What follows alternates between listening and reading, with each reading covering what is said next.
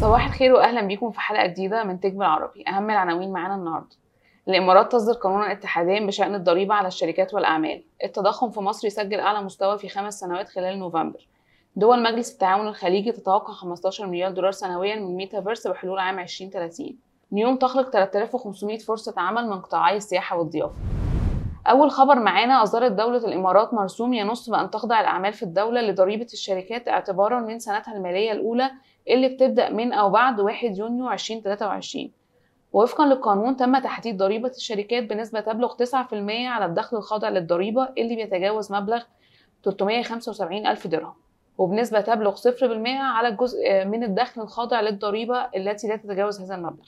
وأكدت وزارة المالية أن القانون الاتحادي في شأن الضريبة على الشركات والأعمال بيشكل خطوة مهمة في إطار تعزيز نظام ضريبي متكامل يدعم الأهداف الاستراتيجية لدولة الإمارات وبيعزز تنافسيتها الاقتصادية العالمية.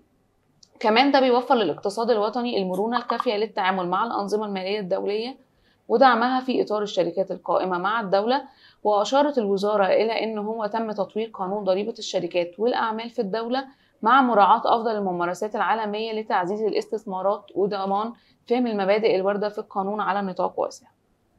الخبر الثاني معانا من مصر التضخم في مصر بيسجل أعلى مستوى ليه في خمس سنين خلال شهر نوفمبر.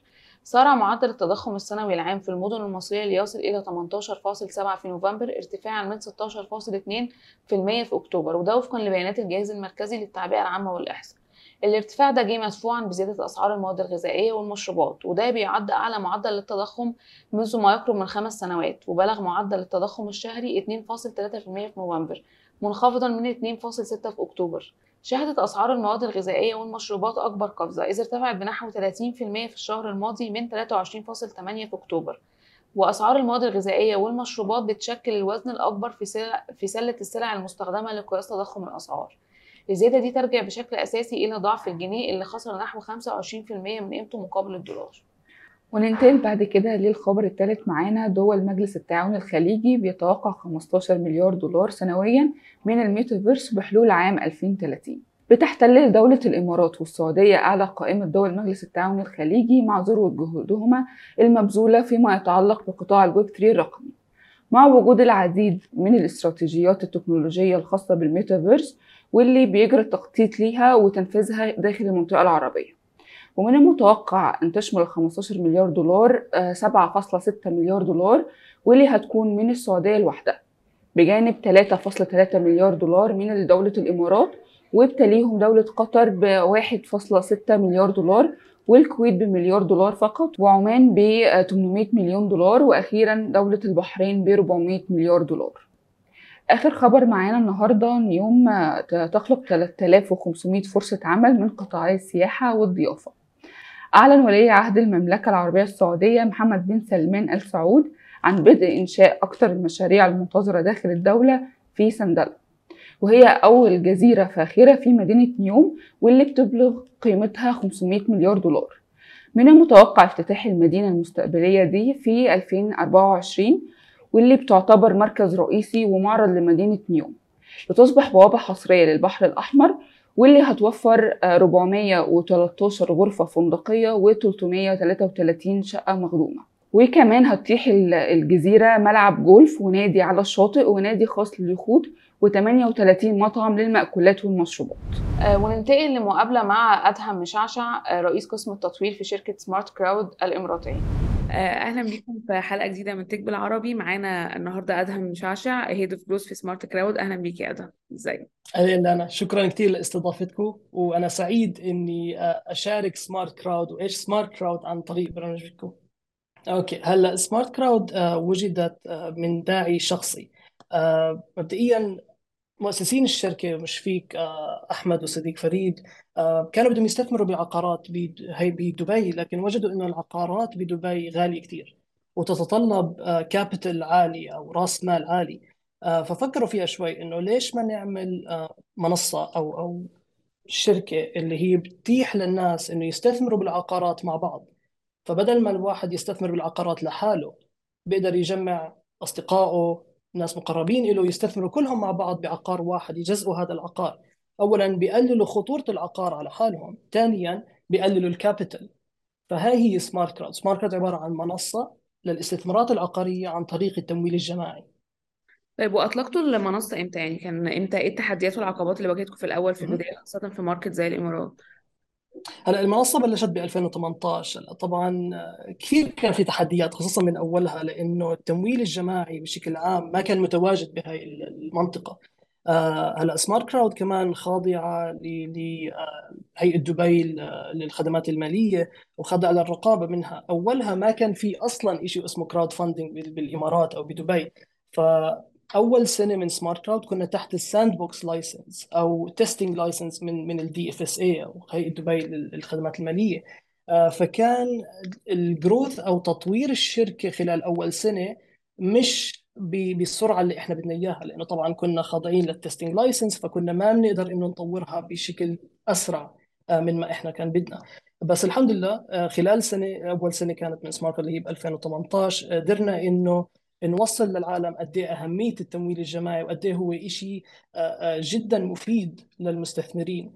آه، وطبعا من وقتها it's been amazing journey ل SmartCrowd. طب إيه ال business model الخاص بالشركة؟ هلا SmartCrowd لما تحكي انت عن تمويل جماعي آه، لاستثمارات عقارية لما تروحي مثلا عند ال Dubai Land Department أو أو هيئه دبي للعقارات وبدك تحطي 100 أو 150 شخص على عقد ال- البيت ما بزبط.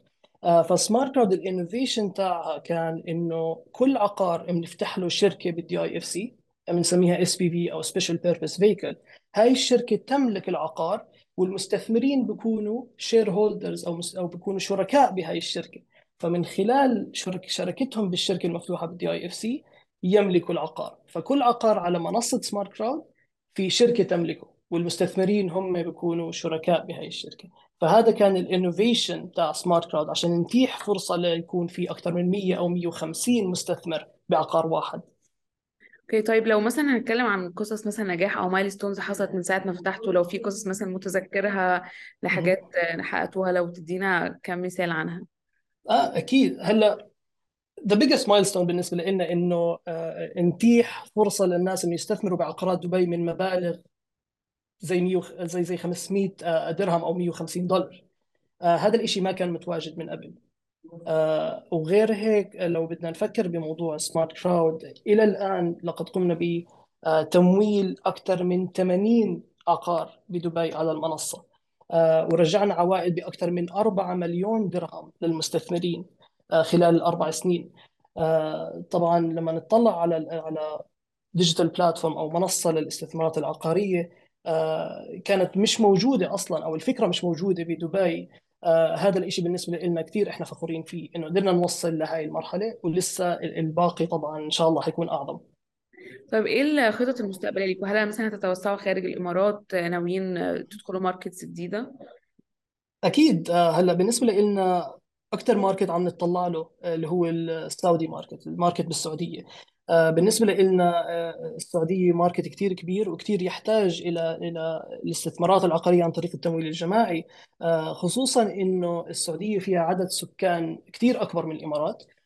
وغير عن هيك التطور اللي عم بيصير بالسعودية كثير كبير لدرجة إنه إحنا كمان وي إنه حيكون في عدد سكان أكثر وأكثر بالسعودية بالسنوات القا- القادمة. وهذا يعني إنه العقارات بالسعودية كمان راح تكبر. وحيتيح فرصة أكبر كمان للمستثمرين إنه يستثمروا بالعقارات بالسعودية. طيب على مستوى ال product نفسه أو المنصه إيه الخطط المستقبلية ليكم؟ آه، هل هتضيفوا features جديدة خدمات جديدة؟ okay مزبوط هلأ ال ال لما نطلع إحنا على الاستثمارات العقارية حاليا على المنصة في عندنا بس استثمارات بدبي آه، في كثير عندنا من المستثمرين كثير حابين يشوفوا استثمارات خارج الإمارات. آه، يقدروا يستثمروا بمناطق هم ما أصلا قادرين يوصلوا لها زي آه، بريطانيا زي زي أمريكا و geographies أكبر من هيك. وهذا كله طبعا قاعدين عم ندرسه حاليا. آه، وبالمستقبل إن شاء الله بدنا نحط more than one country لحتى الناس يقدروا يستثمروا ببلاد أكثر وأكثر ينوعوا محفظتهم الاستثمارية ونسهل موضوع ال- الاستثمارات بشكل عالمي طيب انت في وجهة نظرك شايف ان الحصول على تمويل في, في يعني في العالم العربي امارات السعودية مصر هل هي حاجة صعبة؟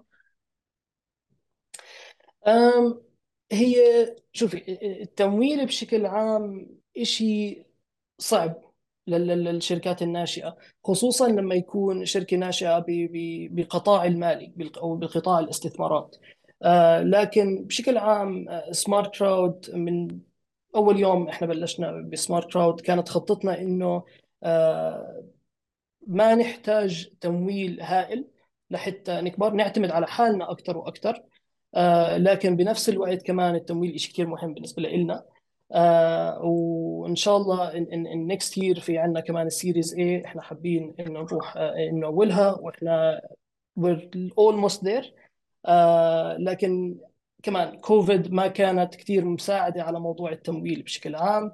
آه لكن الحمد لله يعني قدرنا إنه نوصل للي إحنا وصلنا له بدون أي عواقب كثير كبيرة. تمام. طيب عدد الموظفين عندكم وصل لحد قد إيه دلوقتي؟ هلأ سمارت كراود عدد الموظفين عندنا حوالي 30 موظف ب 3 different geographies. في عندنا موظفين آه، في الإمارات في عندنا موظفين بأوكرانيا في عندنا موظفين ببنغلاديش. سمارت كراود a you know a remote working friendly environment. في كثير عندنا ناس من خارج الإمارات بنحب ال innovation بنحب موضوع إنه ال brainstorming يكون من خلال ناس كثيره حوالين العالم مش بس you know one mentality. طيب في وجهة نظرك شايف قطاع ريادة الأعمال في دبي والوطن العربي آه، عامل إزاي؟ يعني شايفه promising شايف في حاجات محتاجة تطوير أكتر؟ يعني وجهة نظرك في الموضوع. أم، أكيد بده تطوير. أه، خصوصا لو بدنا نطلع إحنا عن أه، وين حاليا إحنا موجودين بريادة الأعمال وين أه، مثلا السيليكون فالي موجودة. أه، يحتاج القطاع هون إلى workshops أكثر إلى mentorships أكثر أه، ريادة الأعمال طبعا بتيجي عن طريق people sharing knowledge. حاليا بال- بالقطاع بالشرق الأوسط ما في هذا الشيء مش موجود كثير موضوع ال workshops من ال mentorships موضوع ال knowledge sharing كثير قليل وكثير exclusive مش متاح أو مفتوح لكل حدا بده يكون ريادي ب ب ب أو entrepreneur بشكل عام. آه، وهذا الشيء اللي إحنا عم نحاول إنه نسويه حتى من منصة سمارت كراود عم نحاول إنه آه، نوصل فكرة ريادة الأعمال أكثر وأكثر عم نحاول إنه نطور من ال product تاعنا ونخليه as transparent as possible لحتى الناس يتعلموا من الأخطاء اللي إحنا عم نعملها يتعلموا من النجاح اللي إحنا عم نعمله لحتى يطوروا ال product تاعهم طيب لو في دلوقتي أغلب شباب الجامعة عايزين يبدأوا شركات ويبدأوا مشاريع لو في نصيحة هتوجهها للناس لسه في بداية مشوارها تقول لهم إيه؟ أهم شيء بالنسبة لي أنا أكثر شيء أنا أنا أنا بتطلع له اللي هو إنه يستثمروا مش بس مالهم بشركتهم يستثمروا الوقت كمان أو the most important thing إنه يتأكدوا مين هم عم بيخوضوا هاي المرحلة معه. your actual uh, uh, co-founder uh, لو بدنا نحكي. uh, كثير عم بشوف ناس uh, حاليا بتفوت بشركات أو بتعمل شركات ناشئة بدون ما حتى يعملوا due diligence عن مين بدهم uh, يشاركوها مين بدهم المستثمر يكون أو ال VC يكون بالشركة. هذا كله بيأثر a later stage. uh, فيكونوا دائما طلاب الجامعة أو الرياديين one step ahead يشوفوا مع مين هم عم بيتعاملوا. وأهم شيء من هذا كله إنه يلاقوا مشكلة بالعالم ويحاولوا يحلوها. آه وهذا كان واحد من أهداف سمارت كراود في مشكلة اللي هي القطاع الاستثماري كثير غالي بالشرق الأوسط. بدنا نحل هاي المشكلة. آه طالما أنت لقيتي حل لمشكلة صغيرة حتى لو الحل ما كان شيء كثير كبير بس مع الوقت رح يكبر الحل ورح تكوني أنت قادرة إنك تلاقي حل أعظم لهي المشكلة. طيب آخر سؤال معانا لو هنلخص يعني الفيجن بتاعت سمارت كراود في جملة هتكون إيه؟ أم هحكيها بالإنجليزي أول بحاول أشرحها بعدين بالعربي. أه اللي هي democratizing real estate market. إحنا بنآمن إنه الاستثمارات العقارية محجوبة ل 1% من الأغنياء اللي حوالين العالم وإحنا عم نحاول نوصل الاستثمارات العقارية لاكثر عدد ممكن من الناس. خصوصا الناس اللي هي من الطبقة الوسطى والطبقة ما دون الوسطى. وهي عن طريق تجزئة العقار طريقة إنه العقار الاستثمارات بالعقار عن طريق سمارت كراود كثير أرخص من إنك تستثمري لحالك فهي هي سمارت كراود عبارة عن democratizing real estate. تمام. آه، إحنا كنا مبسوطين إنك معانا النهارده وشرفتنا في برنامج تك بالعربي. آه، أنا بس الحتة الأولانية م- متهيأليش إن هي اتسجلت كويس فهعيد بس. المقدمة و- والرد بتاعك وبعدين ندخل على السؤال okay؟ خلاص أكيد ماشي عشان في ال edit هننقلها الأول مش مشكلة مش مشكلة. طيب في حاجة no worries. حابب تضيفها أو كده في ال interview بتاعنا yes سمارت كراود حتكون متواجدة بستيب السعودية ب 12 و 13 ديسمبر. uh, ف for anyone that wants to learn more about smart crowd uh, كيف uh, يبلشوا محفظتهم بالاستثمارات العقارية please come say hi. حنكون متواجدين ب 12 و 13 بال startup campus بستيب بالرياض. وبكده نكون وصلنا لنهاية حلقتنا. يا رب تكونوا اتبسطتوا معانا واستنونا في حلقة جديدة من تك بالعربي.